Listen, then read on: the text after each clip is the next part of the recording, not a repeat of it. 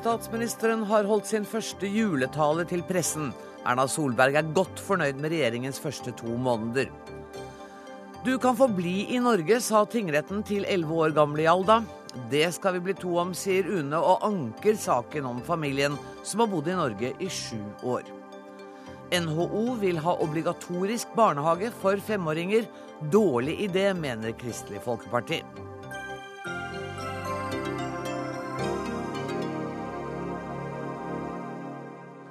Dette er noen av sakene i Dagsnytt 18 der vi også skal høre om den svært tilspissede situasjonen mellom bryggearbeidere og Oslo havn. Men først. I går var det juleavslutning på Stortinget med juletapas. I dag holdt Erna Solberg sin første julefrokost for pressen i statsministerboligen. Og statsminister Erna Solberg, velkommen hit. Takk skal du ha. Eh, for oss som ikke var der, jeg har sett at det var tre punkter du særlig la vekt på. Kan du ikke bare orientere oss? Nei, altså jeg, jeg sier at regjeringen er godt i gang. Jeg syns vi har hatt en bra høst. Og vi snakket om tre politiske punkter som jeg syns var viktig. Det ene er at vi satser på Kunnskaps-Norge fremover, eh, og at vi er kommet i gang med det. Det andre er at vi har en satsing på et velferdsløft for eldre og eh, de som trenger det. Det dreier seg bl.a. om den prioriteringen vi nå har gjort på behandling av rus og psykisk helse. Og det siste er jo det som eh, som jeg mener er den alvorlige, langsiktige utfordringen for Norge, nemlig å sørge for at konkurransekraften vår blir bedre. Og det har vi også startet på. Så de sakene vi sa i valgkampen at var viktige for oss, de har vi faktisk eh, også levert eh, på i løpet av denne høsten. Du sa at velferdsløftet også skulle gjelde eldre, ikke sant? Eller misforsto jeg? Ja, og så nevnte du bare rusomsorg og psykiatri. Ja. Men det er flere ting? Ja da, og rehabilitering var et av de. Rus, og rehabilitering.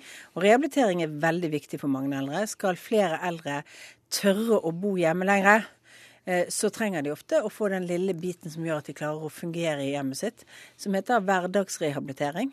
Eh, det er blant de tingene vi ser på fremover. Eh, men det vi særlig har gjort på i høst, er jo dette løftet vi har gjort for behandlingen for rusomsorg eh, og for psykisk helse. Og det å sørge for bedre behandlingskapasitet fremover alle forstår at det tar tid mm. uh, å få iverksatt de store politiske ambisjonene dere hadde. Men når kommer f.eks. næringslivet til å merke at de har etter din mening fått en mer dynamisk regjering? Altså, Det tar jo litt tid. Uh, en av de tingene vi har gjort, er å satse mer penger på de næringsrettede virkemidlene innenfor forskning.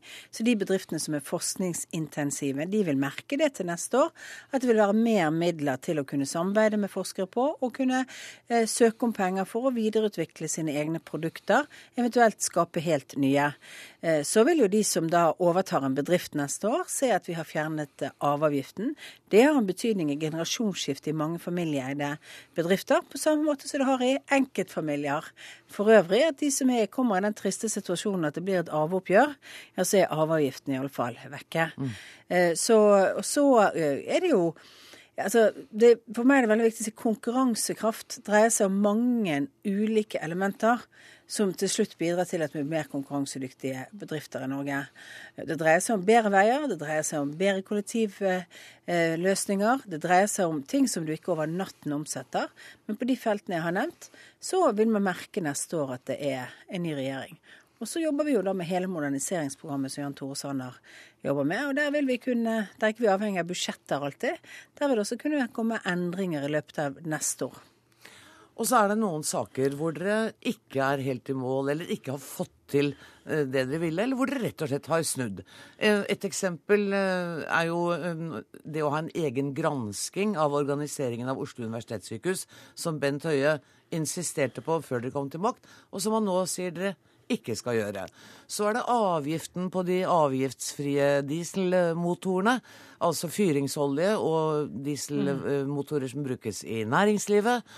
Og så er det ostetollen. Altså det er et par ting. Hva har vært det vanskeligste disse to månedene? Altså Jeg er faktisk uenig i de tingene okay. du, du, lister også. Jeg vet at det er en del av Arbeiderpartiets liste over saker som de sier at vi ikke har levert på, eller ikke gjort det. Vi har Den har ikke jeg sett fra altså, Arbeiderpartiet. Nei, nei, men altså vi har foreslått økt mineraloljeavgift i hvert eneste alternative budsjett vi har hatt fra Høyre sin side. Nå øker vi den litt mer enn, det, mer enn det vi gjorde i fjor, men vi øker ikke f.eks. elavgiften like mye som Arbeiderpartiet gjorde. Eh, for de økte jo veldig mye på elavgiften. Så i balanse mellom disse tingene så har vi rettet oss mot det som vi er enige i klimaforliket Vi skal fase ut oppvarming eh, som er basert på på olje og basert på fossile brensler. Og det skal faktisk være et forbud i 2020 mot dette. Ja, Da må vi begynne å få folk til å skifte ut allerede nå. Og da er ikke det unaturlig at vi har gjort f.eks. det. Og så blir det jo nå en gjennomgang initiert også av Helse Sør-Øst selv knyttet til, til hele fusjonsprosessen og hva de har gjort galt og, og hva de har gjort riktig, og eh, hva som er summen på det. Og, og det er jo en, en, et arbeid de gjør. Og at vi for ett år siden mente noe annet, eh, det var kanskje riktig da, men nå ser vi at eh, også Helse Sør-Øst selv kommer til å gjøre en del av disse grepene. Ok, og Det er sånn man syns det er godt å høre en statsminister si at ja, vi mente det den gangen, mm. og så har vi lært noe, så mener vi noe annet nå. Og det mener jeg, jeg mener at i politikken er det viktig at vi snakker om hvilke mål vi skal nå, og så kommer vi til å reklamere for våre virkemidler for å nå de målene. Men det kan hende at virkemidlene ikke fungerer så godt, eller at ting har forandret seg på veien fra vi var veldig tilhenger av det, så vil å se at det kan være andre måter å nå det.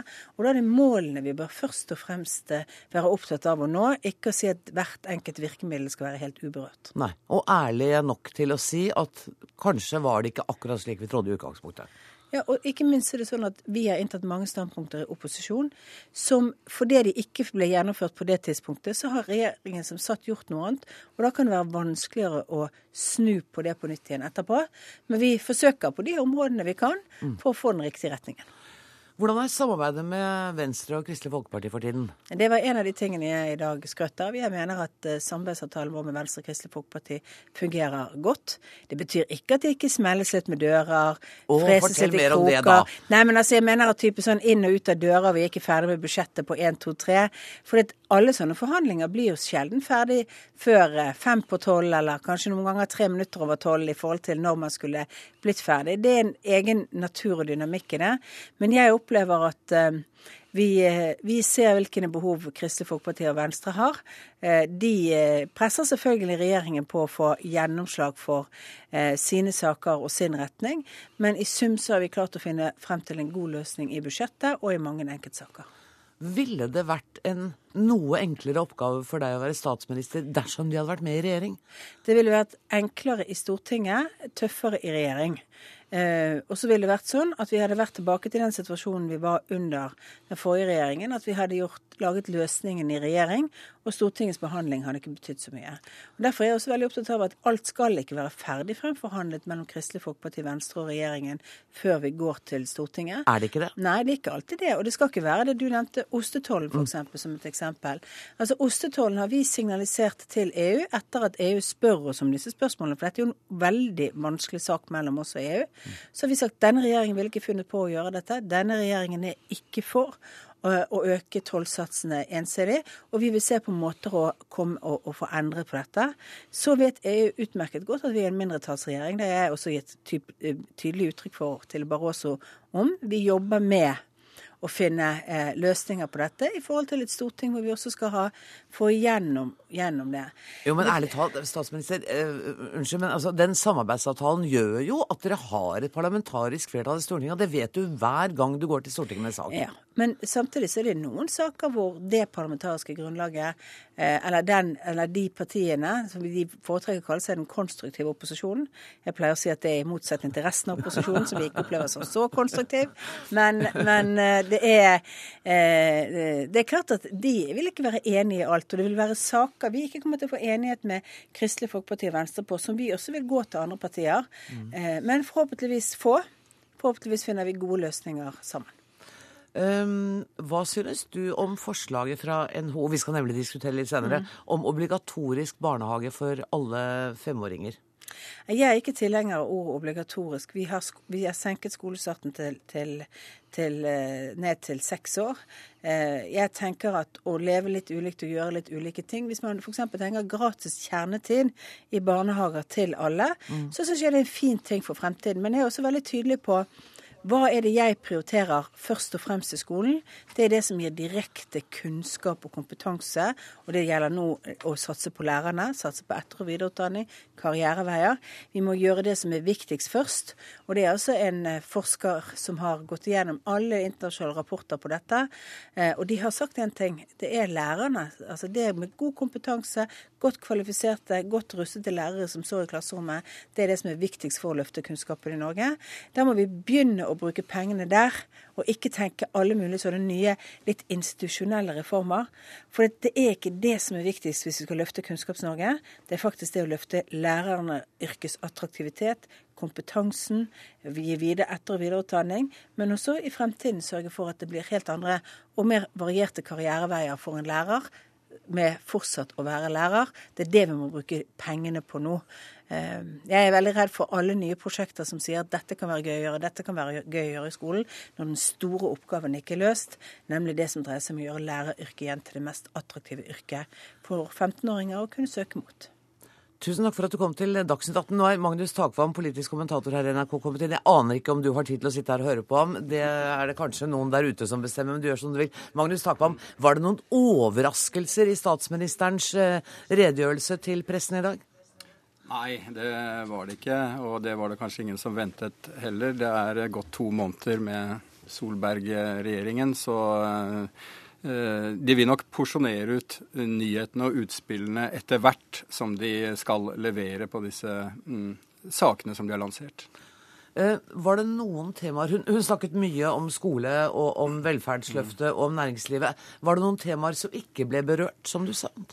Ja, det, altså, jeg la merke til at miljø og klima ikke ble berørt. Nå kan man jo delvis også da skylde på pressen, som ikke spurte om det heller. Men i hvert fall ikke, det var ikke en del av eh, den eh, forberedte innledningen. Og vel, det, vi husker at en del kritiserte uh, plattformen i utgangspunktet fordi det ikke var et av de åtte satsingspunktene osv.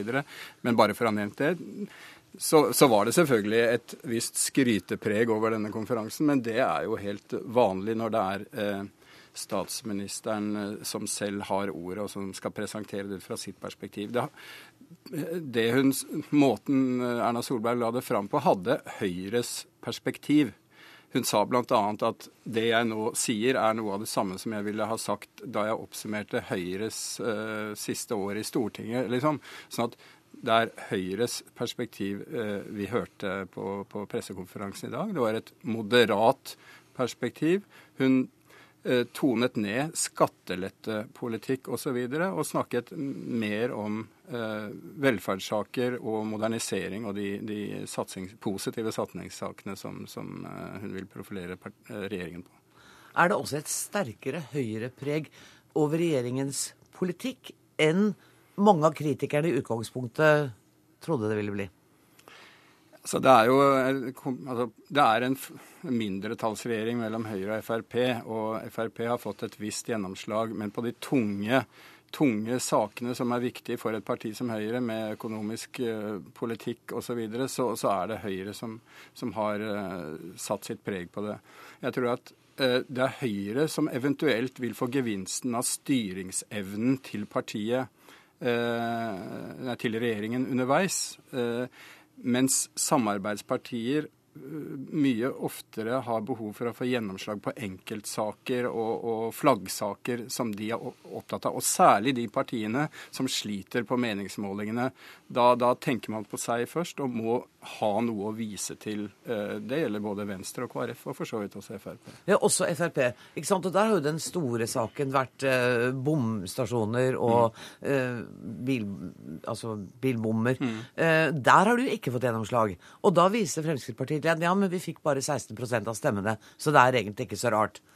Ja, det er riktig. Eh, og nå har de fått enkelte eh, bomprosjekter nappet ut og, og, og, legger veldig mye vekt på det. det. det. er ikke så rart. Eh, men jeg tror Frp har bestemt seg for å vise at de er i stand til å ta ansvar og være i posisjon. Og så tror jeg de biter i seg i den, den løftebruddkritikken som naturlig kommer i startfasen, og etter hvert forhåpentligvis for deres del vil bli målt på om de klarer å levere i regjering i forhold til, til regjeringsplattformen osv., og, så videre, og at de, de, de, er i stand til å sitte i regjering. Og håpe at liksom, eh, populistløftene etter hvert sakte, men sikkert blir glemt. Tusen takk skal dere ha. Tusen takk for at du kom, statsminister. Det er aldri helt bortkastet å bli sittende og høre på Magnus snakke. Tusen takk skal dere ha. Hør Dagsnytt 18 når du vil, på nettradio eller som podkast nrk.no dagsnytt 18.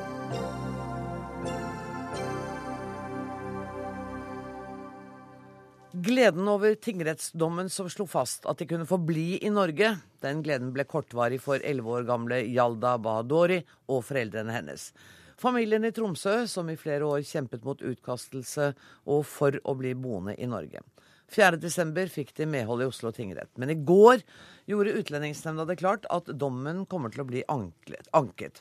Arild Humlen, du var forsvarer for familien i tingretten. Hvordan er reaksjonen hos dem? Ja, den er naturligvis ganske uh, tung. Det var et slag i ansiktet, og, og spesielt for Hjalda har dette hatt uh, svært betydelige og uh, uheldige konsekvenser. Men kan det ikke være at de har hatt litt urealistiske forhåpninger? De fikk altså et absolutt avslag i Norge i 2007. De har søkt i Danmark, de har søkt i Sverige, de har søkt i Østerrike. Og det var vel ikke noen tegn som tydet på at de skulle få bli fra Utlendingsnemndas del? Vel, det var fra rettsvesenet så har det vært flere klare og tydelige tegn på at de bør få bli. Vi prosederte en sak i tingretten for ett år siden. Den saken vant de. Uh, vedtaket ble kjent ugyldig den gang. Og uh, så ble det anket opp til Høyesterett, uh, og vi måtte starte på nytt igjen med en ny sak pga. ny beslutning. Den har de også vunnet. Og nå anker de da for andre gang. Det som er anført av begrunnelse for anker, syns jeg er noe besynderlig. For det første så er en anke svært uheldig, og jeg har i går snakket med en, en barnepsykiater som kjenner dette feltet godt, og har, har, jo gjort det klart at dette kan få langvarige og betydelige psykiske skadevirkninger, spesielt for barn, mm. etter en så lang turbulent periode som følge av UNEs da, vedtak og, og, og dommer på ugyldighet. Det andre er at uh, det er jo noe besynderlig at man bruker da denne begrunnelsen om at man hadde søkt i Sverige og Østerrike i 2007 i dag som en tvingende grunn for å anke. Og Besynderlig er det fordi at sist denne saken ble prøvet i tingretten i 2012, så var ikke dette nevnt som et moment i det hele tatt. Eh, og først nå, etter at man anker, så anføres dette som et slags tvingende moment for at man da må få prøvd saken i i en ankedomstol med, med de belastninger det medfører. Jeg må bare si at Utlendingsnemndas direktør kommer inn etter deg. Eh, hun vil ikke delta i en debatt nå fordi at saken altså er anket. Eh, men hun formidler at UNE ikke kunne la dommen bli stående. De frykter at dommen kan legge føringer for lignende saker i framtida. Hvordan vurderer du den siden av saken? Eh, jeg, for det første syns jeg det er uheldig at ikke de tar denne debatten nå. Jeg er enig med Utlendingsnemnda at vi skal ikke debattere de rettslige eh, sidene ved saken, men det er tross alt en ganske alvorlig beslutning å ta og anke, og den burde vært eh, gjenstand for en debatt. Når det gjelder en tingrettsdom, så er den bare bindende mellom de to partene. Den skaper nesten ingen presedensvirkninger. Eh, Utlendingsnemnda kan si at de er uenig i dommen, men velger ikke av hensyn til Barnekonvensjonens verdigrunnlag å anke den pga. de belastningene det medfører. Det gjorde man i Nathan-saken. Man har gjort det i en rekke andre saker. Eh, det man nå gjør, er å løfte den opp i høyere rettsinstanse, hvor slike avgjørelser kan få altså, ringvirkninger for andre avgjørelser. Men en tingrettsdom den skaper ingen presedens utover da forholdet mellom partene. Og det er ingen tvingende grunn til å påanke denne dommen av det. Iallfall ikke på det grunnlaget. Eh, hva er saksgangen videre nå? Det jeg er mer interessert i, er egentlig tidsaspektene for ja. Hjalda og hennes familie. Altså I normale fall så vil man da få en ankeprøving i Borgarting som har en saksbehandlingstid på mellom ett år og ett og et halvt år.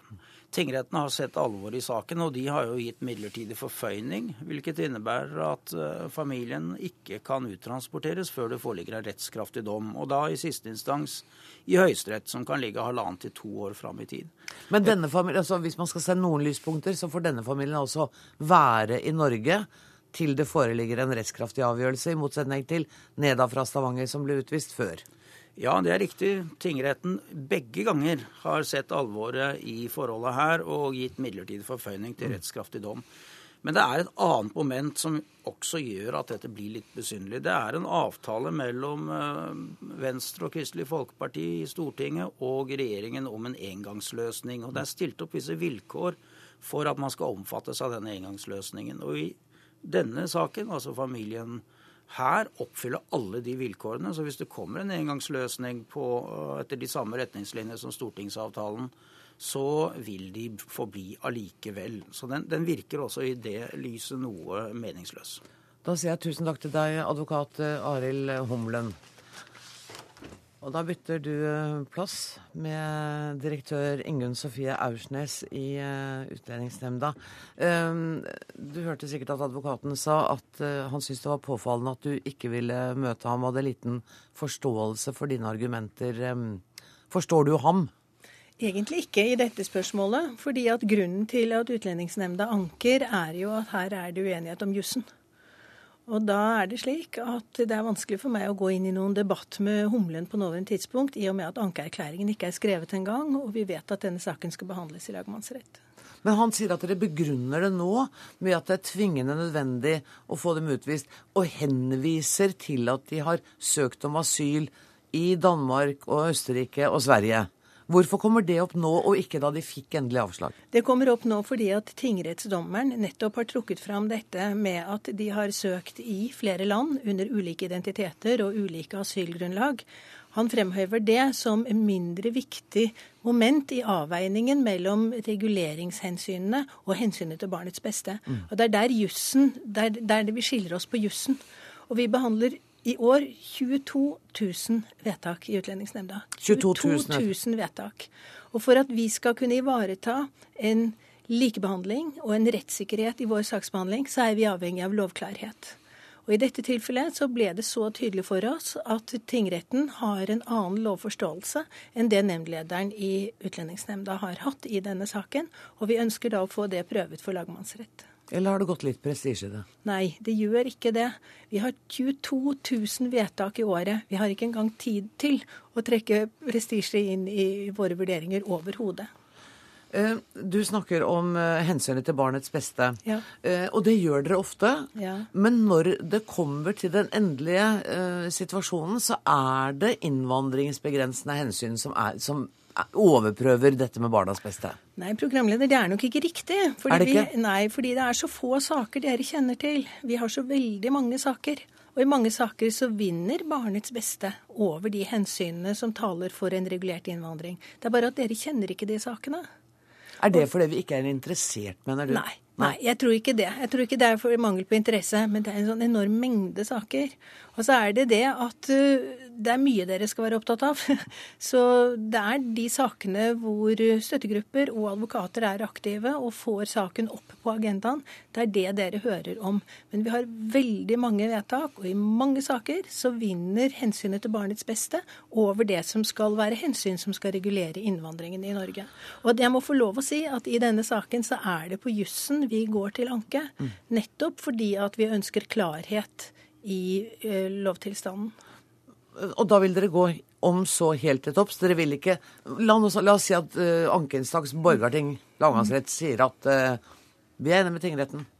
Jeg ønsker ikke å spekulere i ting som ligger Kan du ikke spekulere litt, da? Nei, jeg gjør ikke det. For da ville det vært så lett for meg å si ja, men da har du gått prestisje i saken. For ja, deg, ikke sant? Ja, nei, men okay. du lokker meg ikke ut på den. men du, uh, Hjalda er og henne La oss ta henne. Hun ja. er en liten jente på elleve år. Hun har uh, bodd i Norge siden hun lærte å snakke omtrent. Ja.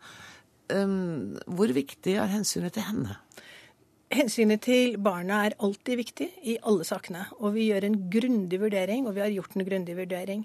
Det heter seg i Barnekonvensjonen, og jeg la meg understreke at tingrettens dom sier ikke at vi har brutt Barnekonvensjonen, bare sånn at det er sagt. Barnekonvensjonen pålegger oss å foreta en vurdering av barnets beste i alle saker som har med barn å gjøre. Så også i spørsmålet om vi skal anke eller ikke. Så det har vi gjort. Når vi ser på barnets beste i slike saker, så ser vi på returforutsetningene. Her skal jo familien tilbake til et europeisk land. Vi ser på barnas omsorgsevne, nei, foreldrenes omsorgsevne, ressursene hos dem, og barnets ressursstyrke også. Og i den avveiningen så har man altså her kommet til at uh, barnets beste ikke slår ut, og vi anker.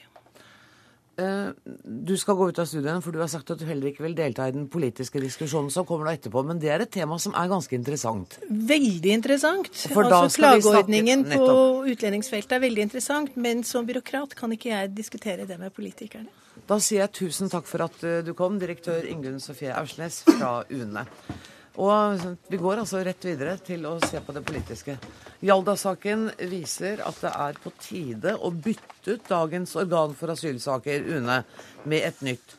SV ønsker en egen domstol for disse sakene. Og Torgeir Knag Fylkesnes, hva er det en domstol kan gjøre veldig mye bedre enn det nemnda gjør? Altså Utgangspunktet vårt er jo at vi må ha et system som ivaretar barn, der barnets situasjon blir ivaretatt i alle prosesser i, eh, i, når de skal få en behandling. Men det blir det jo nå, sier hun. Ja, altså, Bare for å ta dette med domstolen da, først. Eh, altså, jeg har lyst til å si bitte litt om Hjaldas situasjon spesielt eh, etterpå. Men i dag så er det sånn at det er den samme instansen som eh, samler inn informasjon, som eh, vurderer eh, informasjon, og som fatter beslutninger. Eh, Vi ønsker, sånn som man har gjort i Sverige, å gå over på et system, et såkalt topartssystem, som eh, følger de vanlige domstolsprinsippene, der det ikke, altså der det er en domstol som tar den endelige beslutninga på klagesaker. Altså, Uten ankemulighet. ja, så Da vil du anke på, på vanlig vis som du har i, i rettssystemene, altså til en høyere domstol. Sånn Men da vil du få en mye mer rettssikker situasjon. For det, det som har skjedd i situasjonen med Hjalda, er at hun har, eh, hun har vunnet sakene hver gang de har vært oppe til reell behandling. Eh, og så har UNE anka. Og så er de anka på nytt og på nytt. Eh, og sånn kan de faktisk fortsette i det uendelige. Og da blir eh, hensynet til barn, den påkjenninga dette her, har på, på Hjalda, eh, som vi vet fra psykiatrisk hold og eh, fra barnefaglig hold, er veldig skadelig. Blir helt uutholdelig. Eh, og man hører jo når man hører UNE-lederen nå snakke, så, så fremstår det som om, om jussen er langt mer tungtveiende enn hensynet til barnet. Vi hører at, hun, at de har hatt det inne i sin vurdering, men det har ikke veid tungt nok. Og Her har da Hjalda vært en kasteball i lang tid, og så har ikke man hatt et system som har ordentlig tatt vare Men tror ikke du på at en, henne. at en, sånn dom, at en sånn egen domstol vil komme opp i nøyaktig det samme dilemma som UNE er oppi, med å veie juss mot barnets beste, barnets beste mot innvandringsbegrensende hensyn? Altså det som eh, Erfaringer fra Sverige, for de har hatt på en måte litt den samme historikken som oss, men så har de da gått inn på en sånn så, såkalt flyktningedomstol eller migrasjonsdomstol. Eh, Erfaringa deres er at eh, de, som, de som søker om asyl, i mye større grad får personlig oppmøte. Man vet at det er en sammenheng mellom oppmøte og rettssikkerhet. Eh, og, og det oppleves også som mye mer transparent eller gjennomsiktig og åpent, eh, disse prosessene for de som søker. Og den har en veldig stor grad av tillit i befolkninga, eh, i motsetning til UNE her i Norge, som skaper rabalder. Jeg kommer fra Tromsø. Eh, det er ingen i Tromsø som forstår hva all verden er det UNE gjør, som gjør Jalda til en sånn kasteball. Det er ingen som forstår det. Mens erfaringen fra Sverige er at man har mye større tillit til den prosessen som det er. Frank Jensen, medlem av kommunalkomiteen for Høyre. Dette med tillit, eh, som han er inne på, er jo det helt viktige. Hvis en spesialdomstol kunne fått en større tillit, man, eh, tillit, man kunne hindret den evigvarende klageadgangen, og man kunne fått resultatene raskere. Er ikke det en god idé? Ja, det som er en god idé, er, og det er det Høyre- og Frp-regjeringa kommer til å gjøre, det er å sikre at vi får raskere behandling, sånn at vi får køene unna, sånn at faktisk flere får behandla saken sin raskt og på en rettferdig og rettssikker måte. Dagens system er også designa nettopp for å ivareta eh, rettssikkerheten til eh, asylsøkere, sånn at vi kan ha, fortsatt ha en streng og rettferdig innvandringspolitikk. Jeg oppfatter at SV sitt forslag her på en måte, det, det er litt sånn eh, Man skyter litt på pianisten, egentlig. Det, eh, det jeg oppfatter at SV egentlig gjør, det, det er egentlig en slags sånn politisk unnamanøver. SV reagerer på at noen saker så er man uenig i de vedtakene og de vurderingene som UNE gjør. Eh, Men i stedet for å si at det man egentlig ønsker er en oppmykning av asylinstituttet, og at man ikke er fornøyd med den asylpolitikken som de sjøl satt for i egen regjering, så gjør man en sånn unnamanøver og foreslår da heller å si at jo, men da kan vi heller få en, en annen eh, ordning. Hvordan som- får man en mer liberal innvandringspolitikk ved å ha en domstol? Jeg ja, nei, jeg, jeg, jeg. Jeg vet ikke heller, men, eh, nei, men altså, jeg oppfatter at det, Det, det, det er sånn eh, SV agerer. fordi at... eh, Ja, men det er det du hadde- hadde- beskylder dem ja, for. Ja, og det hadde ikke vært noen annen grunn, oppfatter jeg, eh, til at SV heller fremma det forslaget. Hadde ikke vært for at man også mente at med deres forslag så ville flere ha fått innvilga asyl. Fordi man er uenig i de vurderingene som UNE gjør. Men da må man heller si at det er politikken det er noe feil med. Mm. Kunne SV godt ha gjort. Fra Høyres side så så ønsker vi gjerne reformer i utlendingsforvaltninga som gjør at flere kan få behandla sakene sine raskere, og gjerne og- og selvfølgelig sånn at vi får ivaretatt eh, rettssikkerheten. Utfordringa i dag er at vi har eh, en overbelasta utlendingsforvaltning. Eh, Vi er nødt til å gjøre noen reformer i utlendingsforvaltninga som gjør at vi ikke får så mange grunnløse asylsøknader, som krever enormt med ressurser fra utlendingsforvaltninga og UNE, eh, sånn at vi kan få raskere behandling, sånn at flere får avgjort saken sin raskt. Så dere både vil ha en raskere, altså en styrking av UNE, en raskere behandling og færre saker. Nå har de 22 000 saker i året, og dere vil ha det tallet ned. Åpenbart. Eh, Er det en liberalisering av asylpolitikken SV egentlig vil ha med dette forslaget? Nei, altså, Man kan jo forestille seg at det er både strengere og mer, mer liberalt i et sånt system med en domstol. Jeg tror- SV går ikke inn for en strengere asyl- og innvandringspolitikk. Nei, Det har du helt rett i. Ja. Altså, jeg tror det er veldig viktig å skille to ting her. Det ene er vårt ønske, politiske ønske om å ha en asylpolitikk som i mye større grad vektlegger hensynet til barn. Det ønsker vi. Og der, eh, der er vi forskjellige fra, fra Høyre, som ønsker å fortsette noenlunde ca. dagens praksis. Så kommer da hvordan vi behandler eh, barn i dette systemet her, og hvordan vi sikrer deres rettsprosess. Og jeg tror, jeg tror eh, alle kan være enig i at når du når du kan vinne alle kampene i, eh, i en cup, men du må hele tida møte det samme laget om og om og om igjen fordi at de anker og anker og anker, det er ikke særlig bra. Og når du da tenker at det er et barn som har vært hele delen av sitt liv med på dette her, så skjønner alle at dette her går ikke. Sånn at um...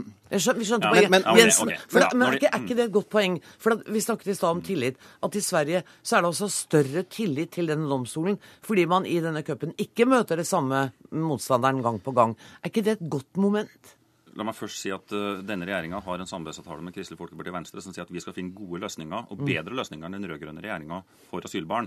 Og det skal vi komme tilbake til. Så uh, vi skal på en måte få til mer der enn det SV klarte på sine åtte år i regjering. Men og i hvert fall få til, en, få til avklaringer på det. Når det gjelder uh, den andre diskusjonen, nemlig jeg er enig med, med Fylkesnes i det, at det her, vi må på en måte sortere diskusjonene, så er jo poenget at uh, vi har i dag uh, Utlendingsdirektoratet, og så har vi Utlendingsnemnda som eh, behandler klagesaker. Og så er det faktisk også sånn, og det ser vi jo i dag, at eh, sakene går jo også for retten. Mm.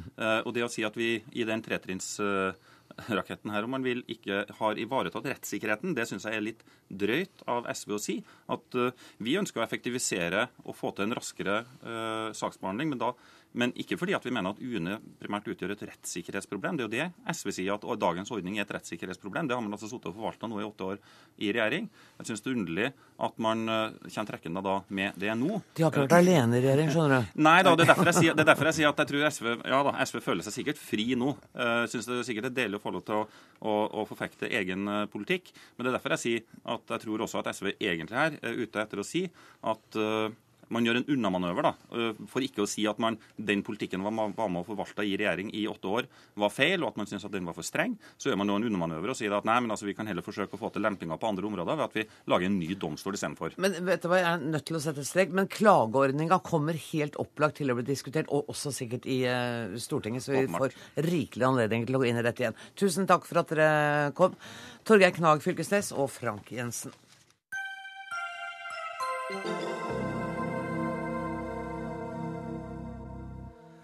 Regjeringen dobler avgiftene på anleggsdiesel i statsbudsjettet for 2014. Dette skal gi staten mer enn 1 milliard kroner i økte inntekter. Frp gir skattelette til de rikeste og sender regningen til næringsdrivende og anleggsbransjen, sier Senterpartiet, som mener eh, FrPs næringsprofil bommer på målet. Trygve Slagsvold Vedum, medlem i finanskomiteen. Hva er det som er så feil med at man faktisk avgiftsbelegger ting som forurenser? Det som er helt utrolig, er jo hva Frp gikk til valg på. Altså de, de har prøvd å framstille det som et anti-avgift ja til veiparti. Og så det, får de til noen minimale endringer på veibudsjettet eh, i positiv retning. Og så gjennomfører de en historisk avgiftsøkning på avgiftsfri diesel Eh, og kostnadene øker for de som skal bygge veiene. Altså, Frp har i løpet av én måned i regjering klart å øke avgiftene på avgiftsfri diesel mer enn de siste tolv åra til sammen. Så det har vært en voldsom økning. Og det var ingen, tror jeg, som trodde at med Frp i regjering så skulle avgiftene bli mye høyere enn hvis, FRP, enn hvis SV var i regjering. Så det er underlig, og det er en måte å fylle opp statskassa, ikke redde miljøet. Eh, Bare la oss være helt tydelige på hva det er vi snakker om. For vi snakker om den såkalte avgiftsfrie dieselen, f.eks. Den som ikke er underlagt veiavgift og sånne ting, som går til eh, som traktorer, Gravemaskiner. gravemaskiner, alt det der. Og så gjelder det fyringsolje, ikke sant? Ja. Det gjelder også fyringsolje, men hoveddelen går til eh, anleggsmaskiner og den biten. Og når det gjelder fyringsolje, så har vi jo en plan med å fase ut alle oljefyrer innen 2020. Det er jo vedtatt i klimameldinga at det er vårt felles mål å få til det. Nettopp, det var mitt poeng. Så det kan ikke være noe skuffelse for dere. Nei, Vi ønsker også å fase ut det. Men nå med den avgiftsøkninga som blir nå, da, på 80 øre, eller de over 50 øra som Frp var med og plussa på, så vil jo alle de som har oljefyr nå, som ofte er pensjonister og andre, bare måtte fyre dyrere. For vi får ikke noe mindre fyring. Det blir ikke, folk vil ikke ha det kaldere husa sine av den grunn, men det blir høyere kostnader for de som har oljefyr. Og vi ønsker å fase det ut. Så det her er et rent tiltak for å få inn mer penger til staten. Mer Eller for å fase det ut fortere enn dere ville. ja, men altså, Frp eh, har vært veldig opptatt av bl.a. å bygge veier raskere. Mer effektivt. Og det som er da ganske rart, er at det første de gjør, er å øke kostnader til anleggsbransjen. For det er der hovedkostnaden går. Alle som eh, kjører gravemaskiner og alle andre som driver og bygger veier, får det dyrere. Ifølge Maskinentreprenørenes forening, et langt ord, så, så, sier, så sier de Det er krevende. Så sier de at det skal bli i snitt 800 000 mer kostnader eh, for en mellomstor eh, anleggsbedrift. Og det er mye penger. Men du Unnskyld, Hagseth, jeg skal slippe deg til. Jeg ble bare veldig overrasket over denne mannen akkurat nå. For du sitter jo nå og snakker som en som ikke er det minste opptatt av klima, mindre enn vi trodde. Og så sitter Hagesæter her og kan forsvare at man legger avgift på noe av det mest forurensende vi har. Jo, men vi, Du vil ha det, du. Jo, men jeg, Vi er veldig opptatt av å avgiftsbelegge ting når vi ser en effekt. Men det som vi kommer til å se her, er at det vil ikke bli noen mindre gravemaskiner neste år allikevel. For vi ønsker ikke å fase ut bygging av norske veier. Men så har vi lagt en plan på å fase ut oljefyrer, og at vi skal ha fasa ut det innen 2020. Og det ligger helt fast. Og så er det det som når vi skal gjøre avgiftsendringer, så må det være forutsigbart, og at folk har kunnet tilpasse seg. Og det som var noe av det mest dramatiske grepet for å fase ut oljefyrer i denne budsjettet, her, var at de fasa ut tilskuddet til bioenergi. Som gjør at det blir mye dyrere å kjøpe flis og fyre miljøeffektivt. For man fjerna det tilskuddet som man eh, har hatt, med ca. 30 millioner til å subsidiere flisa, så at den blir billigere. Så på den ene sida så gjør man eh, flisa dyrere, men man gjør også eh, avgiftsfri diesel dyrere, som gjør at konkurranseforhold mellom flis og diesel har ikke blitt noe bedre. Eh, men man gjør det bare dyrere for folk å, å fyre. Vi mente at han burde hatt en mer satsing på flis, og ikke eh, øke kostnadene til anleggsbransjen på den måten man gjør. Altså Det er 50% avgiftsøkning, har de tallene jeg har sett til slutt. Det er en voldsom økning. Og det er det motsatte av det Frp vil, og det blir dyrere å bygge vei. Jeg hadde ikke fått med meg det der med flis. Jeg er glad du orienterte meg om dette. Hagesæter kan sikkert forklare enda mer. Du, en avgiftsøkning på over 50% er mye. Det er veldig mye. Men først vil jeg jo si at jeg syns at Slagsvold Vedum han er freidig. Han har altså sittet i en regjering som i løpet av åtte år har økt skatte- og avgiftstrykket i Norge. Nå har vi for første gang en regjering som reduserer det samla skatte- og avgiftstrykket med hele 7,3 milliarder kroner. Og Det betyr at f.eks. en familie der to stykker begge tjener en halv million, vil altså få nesten 3000 kroner totalt sett i, i skattelette neste år. Og Hvis du ganger det med fire år, så vil det altså bli 12 000 mer å rutte med for de neste fire årene. Og en familie med en inntekt på 20 millioner vil få vesentlig Ja, bedre. nå er det altså slik at de som tjener over eh, de som tjener over to millioner, det er altså, i dag så betaler de i snitt 1,5 million i skatt for året. De har fått selvfølgelig litt mer eh, i skattelette enn de som tjener 200 000. Og det er altså det som er, slik med skattelette, at hvis du skal gi skattelette, så treffer du veldig fort på de som betaler skatt. Jeg avledet denne Ja. diskusjonen. Gå tilbake til diesel og flis. Da skal så vi gå tilbake for det. For det at dette la vi fram et historisk budsjett der vi reduserer skatter og avgifter, og der vi prioriterer også mange andre ting. Men så er det det altså Høyre- og Frp-regjeringen er en mindretallsregjering. Og Det betyr at vi må sikre støtte i Stortinget.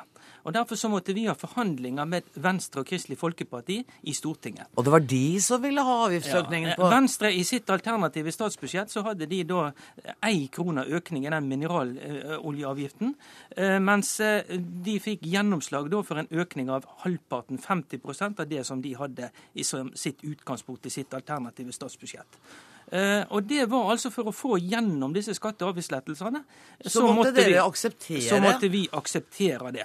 Og dermed så blir det egentlig 0-0 for oss vanlige folk. Nei, det blir ikke 0-0. Hvis du Altså- sitter med fyringsoljeutgifter som nå øker med hvor mange prosent sa du at det var? Ja, altså det er 52-53 øre dette øker med for literen i mineraloljeavgiften. Ja. Uh, og det, hvis du har da oljefyr og sånn, så blir det, slår det ut negativt. Men Mye det er selvfølgelig ja, sånn ja, altså, det, det vet jeg ikke. hvor- Det spørs hvor mye du fyrer og alt dette der, men La oss si jeg fort tjener 300 000 og mye, og så får jeg skattelette, og så får jeg fyringsutgifter. ja, det, det har jeg ikke tallene på, men det kan nok fort bli en tusenlapp eller noe sånt i året eh, hvis du da eh, fyrer med olje. Men det som er selvfølgelig poenget, og som også programlederen var inne på, det er jo det at det er vedtatt at dette skal fases ut innen 2020.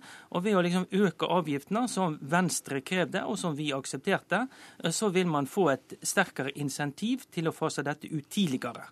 Eh, av at dette er veldig sterkt forurensende. eh, Og da er det noe som man da ved å bruke avgiftspolitikken, så kan man altså få eh, fortgang, få fortgang i det.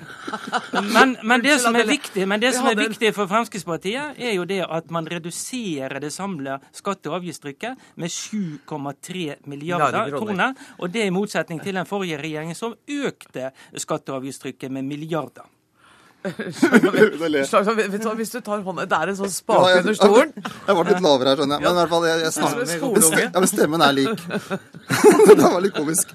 Men poenget er jo det som er eh, det var litt, Og det er litt tragisk det vi diskuterer nå. at Frp-forening har hva det går til valg på. Og de gikk til valg på lavere avgifter.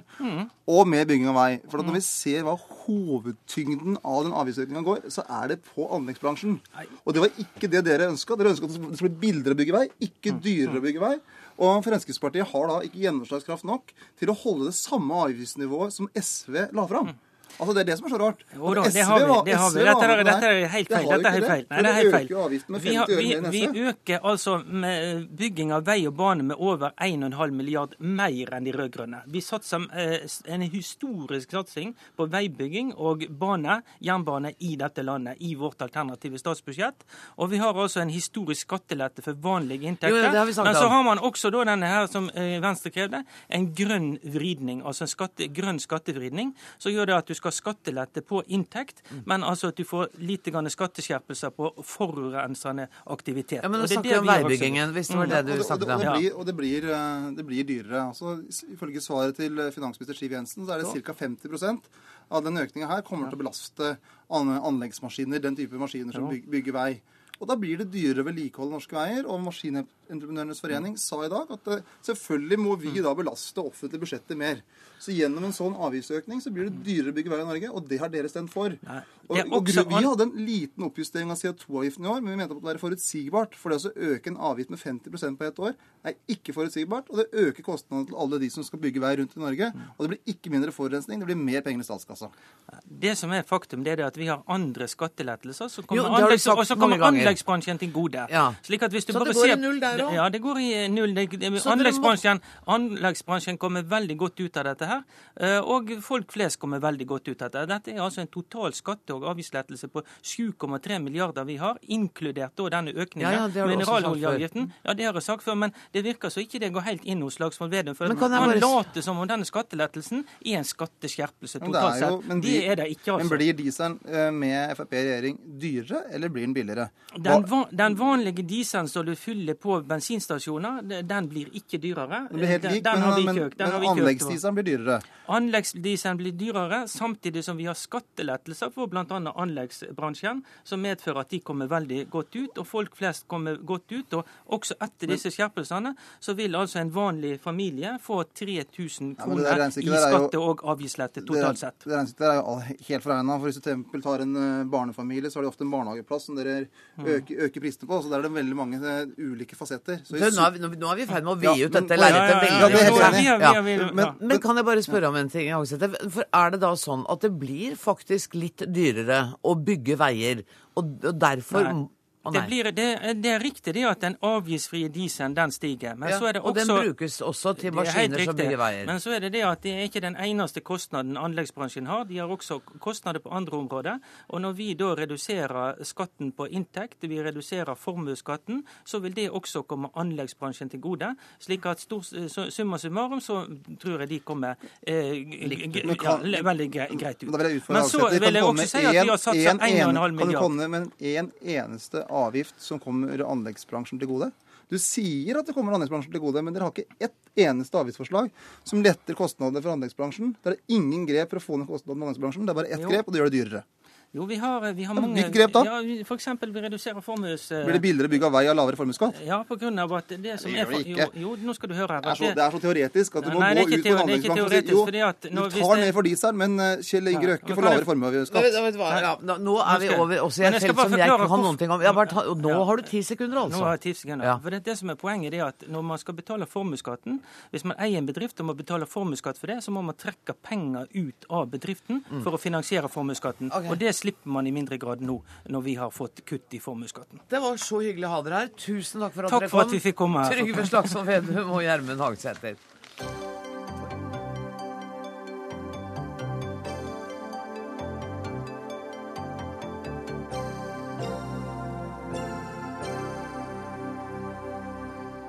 Som noen av oss så i Dagsrevyen i går kveld, så ønsker NHO å innføre obligatorisk barnehage for femåringer med klare krav til hva barna skal lære. Kristin Skogelund, direktør i NHO, du kommer allerede nå til å presisere den formuleringen, for den var litt utydelig. Du mener en, dere mener en kjernetid for alle femåringer, bare sånn at det er gjort. Ja. Og hva skal de lære da? Altså, jeg tror det er viktig å få fram at dette skal jo være læring på barnas premisser. Vi mener læring er en positiv ting for barna, og i den alderen så skal det skje mest mulig gjennom eh, lek og spill. Men vi tror at det er viktig å gjøre barna bedre i stand til å eh, begynne på skolen ved å gi dem bedre språkforståelse og bedre tallforståelse i tidlig alder.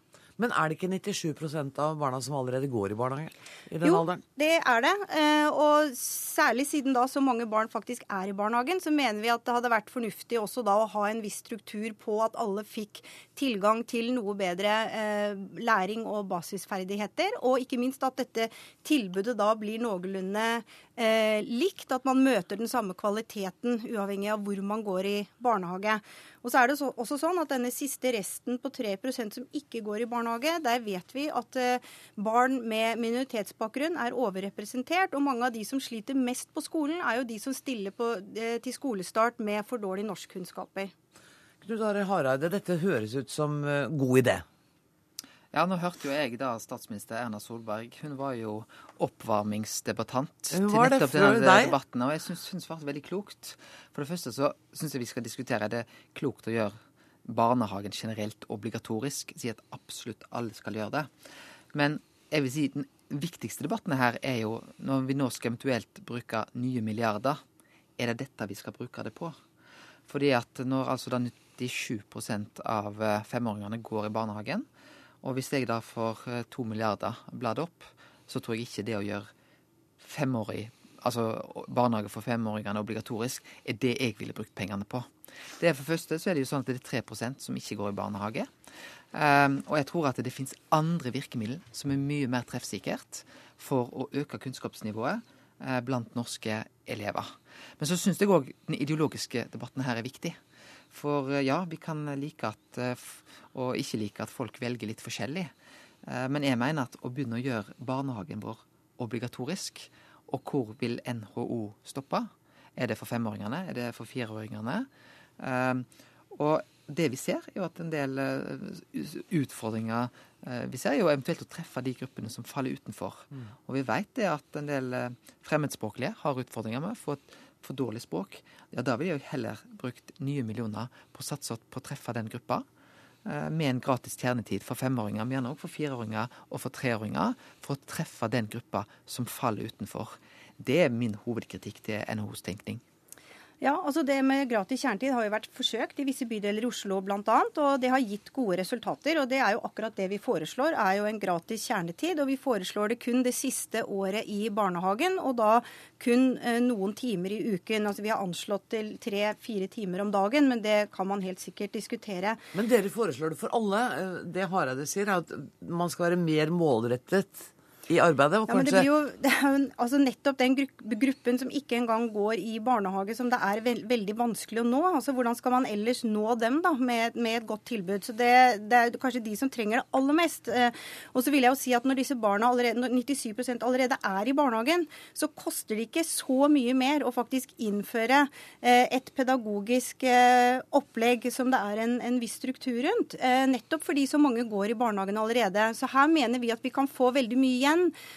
for eh, altså En milliard er mye penger, men allikevel for en eh, tross alt eh, relativt begrenset investering. Og Grunnen til at vi mener at dette er riktig å prioritere, det er at mye forskning viser at disse skjevhetene, som da forsterker seg gjennom skoleløpet og ender eh, opp i, opp i at nesten en tredjedel faller ut av videregående opplæring, og at veldig mange kommer ut av grunnskolen uten tilstrekkelige ferdigheter i lesing og, og skriving og regning, det, eh, få- det er det enklest å korrigere tidlig i læringsløpet. Eh, Så hvis alle kan få en litt bedre start, så tror vi det er en kjempegod investering. Harald, er det ikke en god idé med noe mer skolerettet pedagogikk for femåringer? Jeg tror det aller viktigste for at vi skal både få le bedre lese- og skriveferdigheter, det er jo ekstra god kvalitet i skolen. Det tror jeg er jobb nummer én. Men de kan begynne litt før. Det er jo det som er NHOs idé her. Ja, men vi, vi, litt tidligere. vi, da jeg gikk på skole, så starta vi som sjuåringer. Ja, og Eh, dag- se hvordan det gikk Ja, oss. det går. Eh, og, nå, eh, og nå er det seksåringer. Vi skal òg være klar over det at gevinsten av å gå fra sju til seksårig skolestart har vært, eh, ikke vært entydig bare positiv.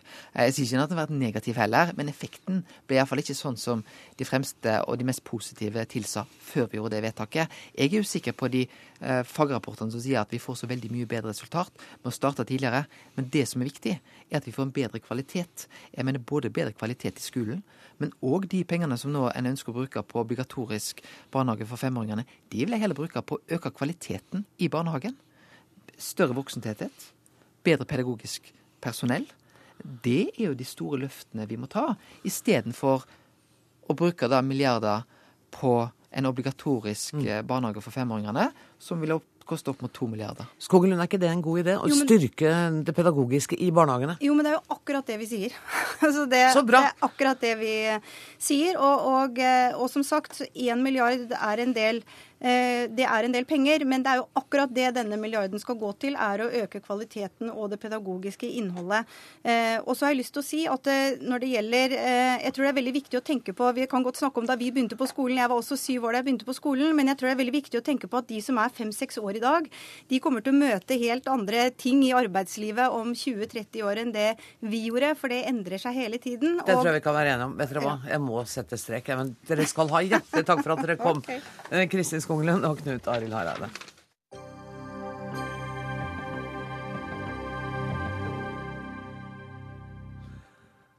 Og det skal dreie seg om konflikten om losse- og la lastearbeidernes eksklusive lunsjfritid og fortrinnsrett, for den får eh, nemlig ytterligere vind i seilene.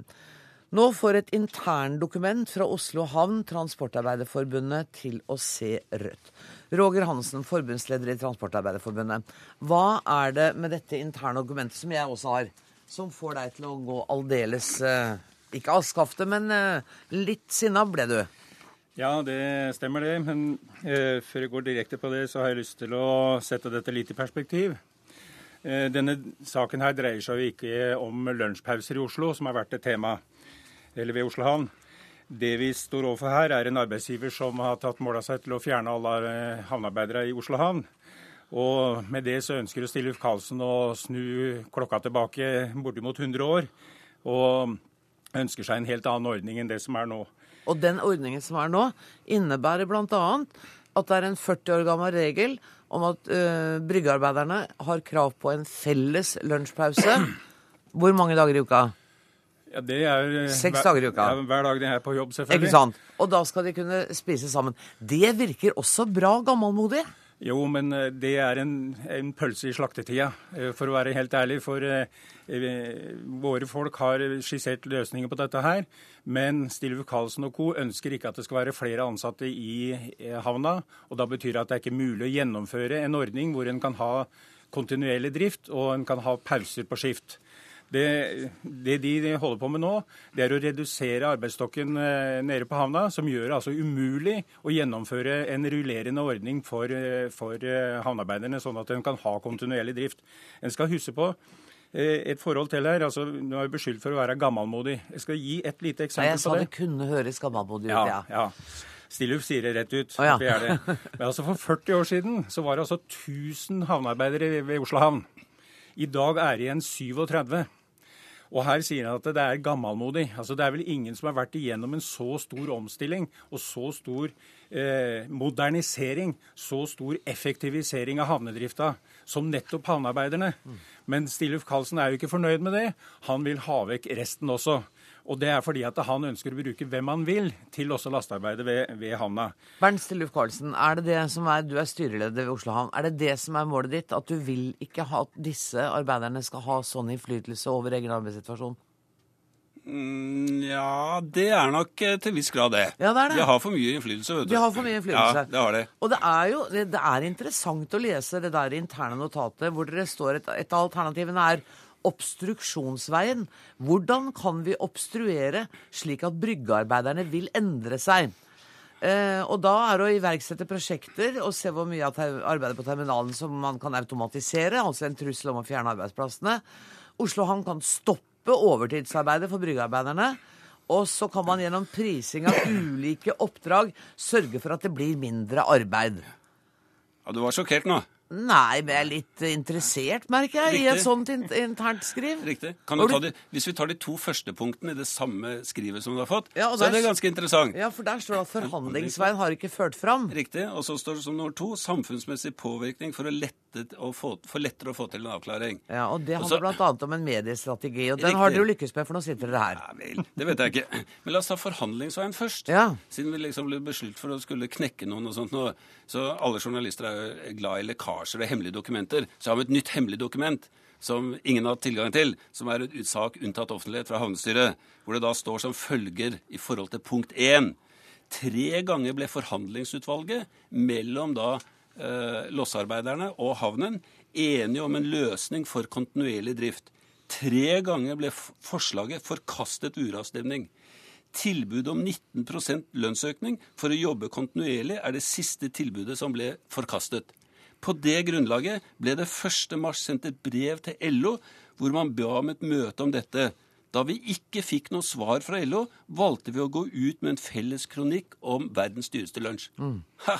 Vi følger steg for steg. Og Og sånn må det være, fordi dette er en ordning som ikke tjener havne, havnene og sjøtransporten.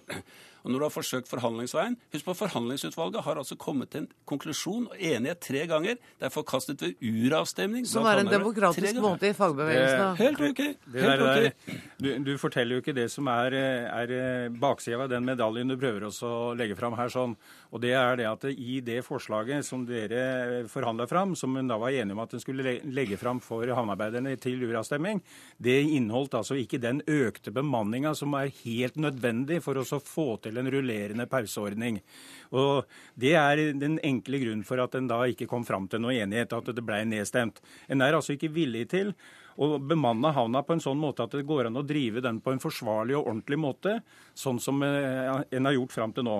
Da velger en altså, når en ikke kommer fram i forhandlinger, så, så velger en da å, å gå til krig. Istedenfor det også prøve å fortsette forhandlingene og justere sine krav, justere eh, innholdet i en sånn avtale, sånn at det er mulig å leve med det for alle parter. Hansen- det hopper en over.